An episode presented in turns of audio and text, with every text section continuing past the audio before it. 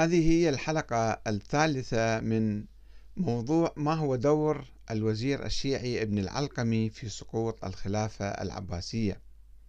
وسوف نتحدث في هذه الحلقة عن آه، المشكلة الكبرى التي كانت تواجه الخلافة العباسية بعدم وجود جيش نظامي قوي. وأيضا نتحدث عن الصراع الطائفي وسيطرة المماليك آه، على الخليفة المستعصم. إذا فقد كانت المشكلة الكبرى آه، هي تتمثل في عدم وجود جيش نظامي قوي آه، هي تشكل المشكلة الأساسية الكبرى التي واجهت حكومة بغداد أيام الخليفة الأخير المستعصم حيث لم يبلغ جيش الخلافة أكثر من خمسة آلاف رجل.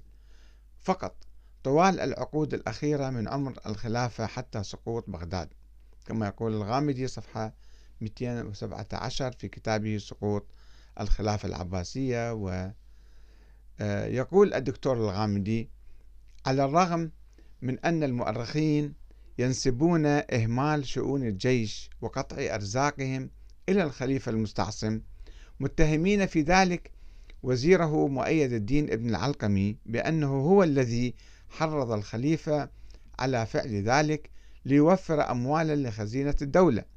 فإن الذي يظهر لنا هو أن أولئك الرؤساء المماليك كالشرابي والدويدار الصغير والذين كانت زعامة المماليك بأيديهم هم الذين قاموا بتصفية جيش الدولة العباسية في العقدين أو الثلاثة عقود الأخيرة من عمرها من جميع العناصر الأخرى وبذلك اقتصرت قوات المستعصم خاصة على المماليك من جنسهم. ليكون لهم القول الفصل في كل أمر من أمور الدولة ثم سرحوا الجنود بحيث كانوا يتسولون الناس في بغداد في صفحة 223 وعندما توفي إقبال الشرابي الذي كان مهيمنا على المستنصر وهو الذي جاء بالمستعصم عندما توفي سنة 653 تولى الدوادار الصغير قيادة الأتراك المماليك الذين كانوا يمثلون القوة العظمى للحكومة. وحاول القيام بانقلاب على الخليفة المستعصم وإحلال ابنه الأكبر أبي العباس مكانه لولا قيام الوزير ابن العلقمي بكشف مؤامرته مما أدى إلى حدوث تنافس وعداء وصراع بين الوزير والدويدار الذي كان يفترض أن يكون تابعا للوزير إلا أنه كان يعتمد على قوته العسكرية ويسمح لنفسه بالتمرد على الخليفة والوزير. وبما أن الوزير كان ينتمي إلى الطائفة الشيعية فقد انتقل الخلاف بين الاثنين إلى الشوارع والأسواق والأحياء في بغداد.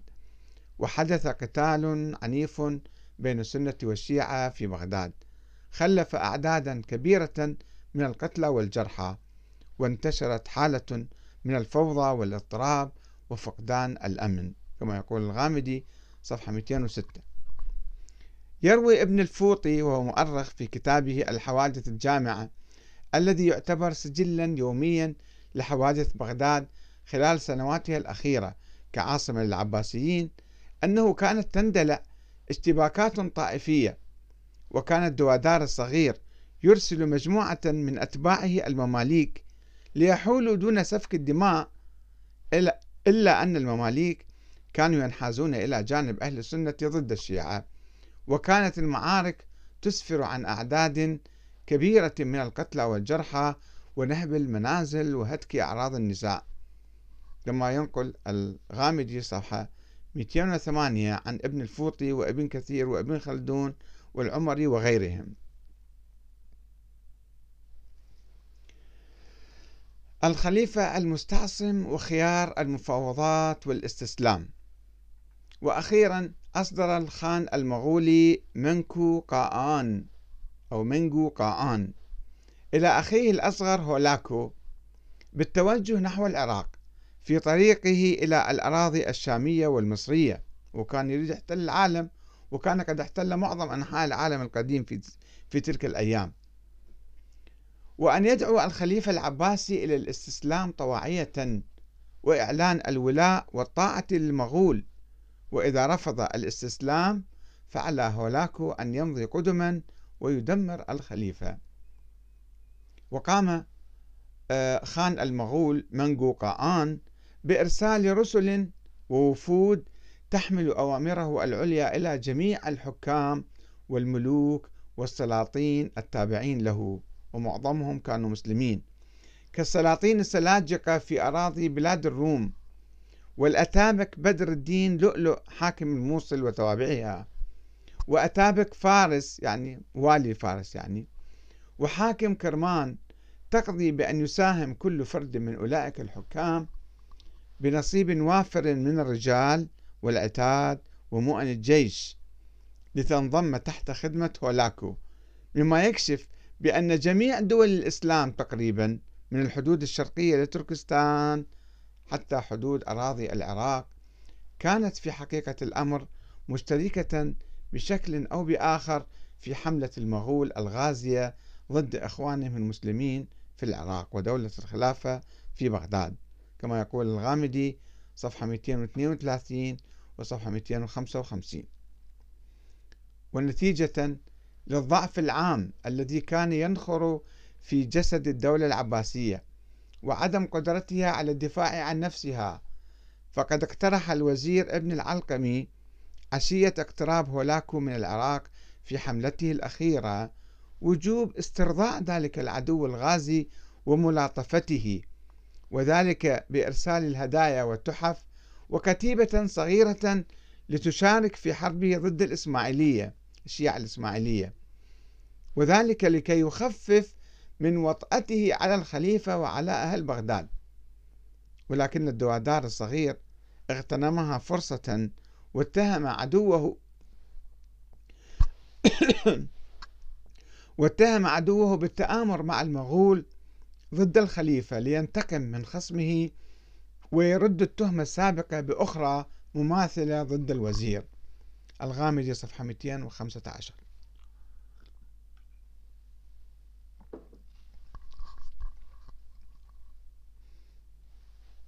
وعندما اقترب هولاكو من العراق طلب الخليفة المعتصم من الدوادار الصغير وسليمان شاه قائد التركمان وعز الدين ابن كر أمير الأكراد. هؤلاء كانوا يشكلون قوى يعني مثل مجموعات مسلحة.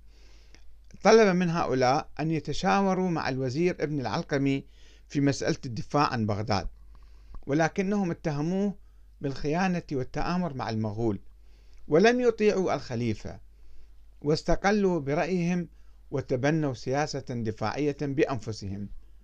ثم توسل الخليفة إلى الدويدار وسلمان شاه أن يذهبا لمقابلة هولاكو خارج بغداد للتفاوض معه في مسألة إمكانية إيجاد حل سلمي لمسألة الدخول لبغداد ولكنهما رفضا أيضا كما يقول الغامدي صفحة 226 وقرر الدوادار أن يعسكر بجيش المماليك والأكراد في مواجهة المغول في بعقوبة شرق العراق.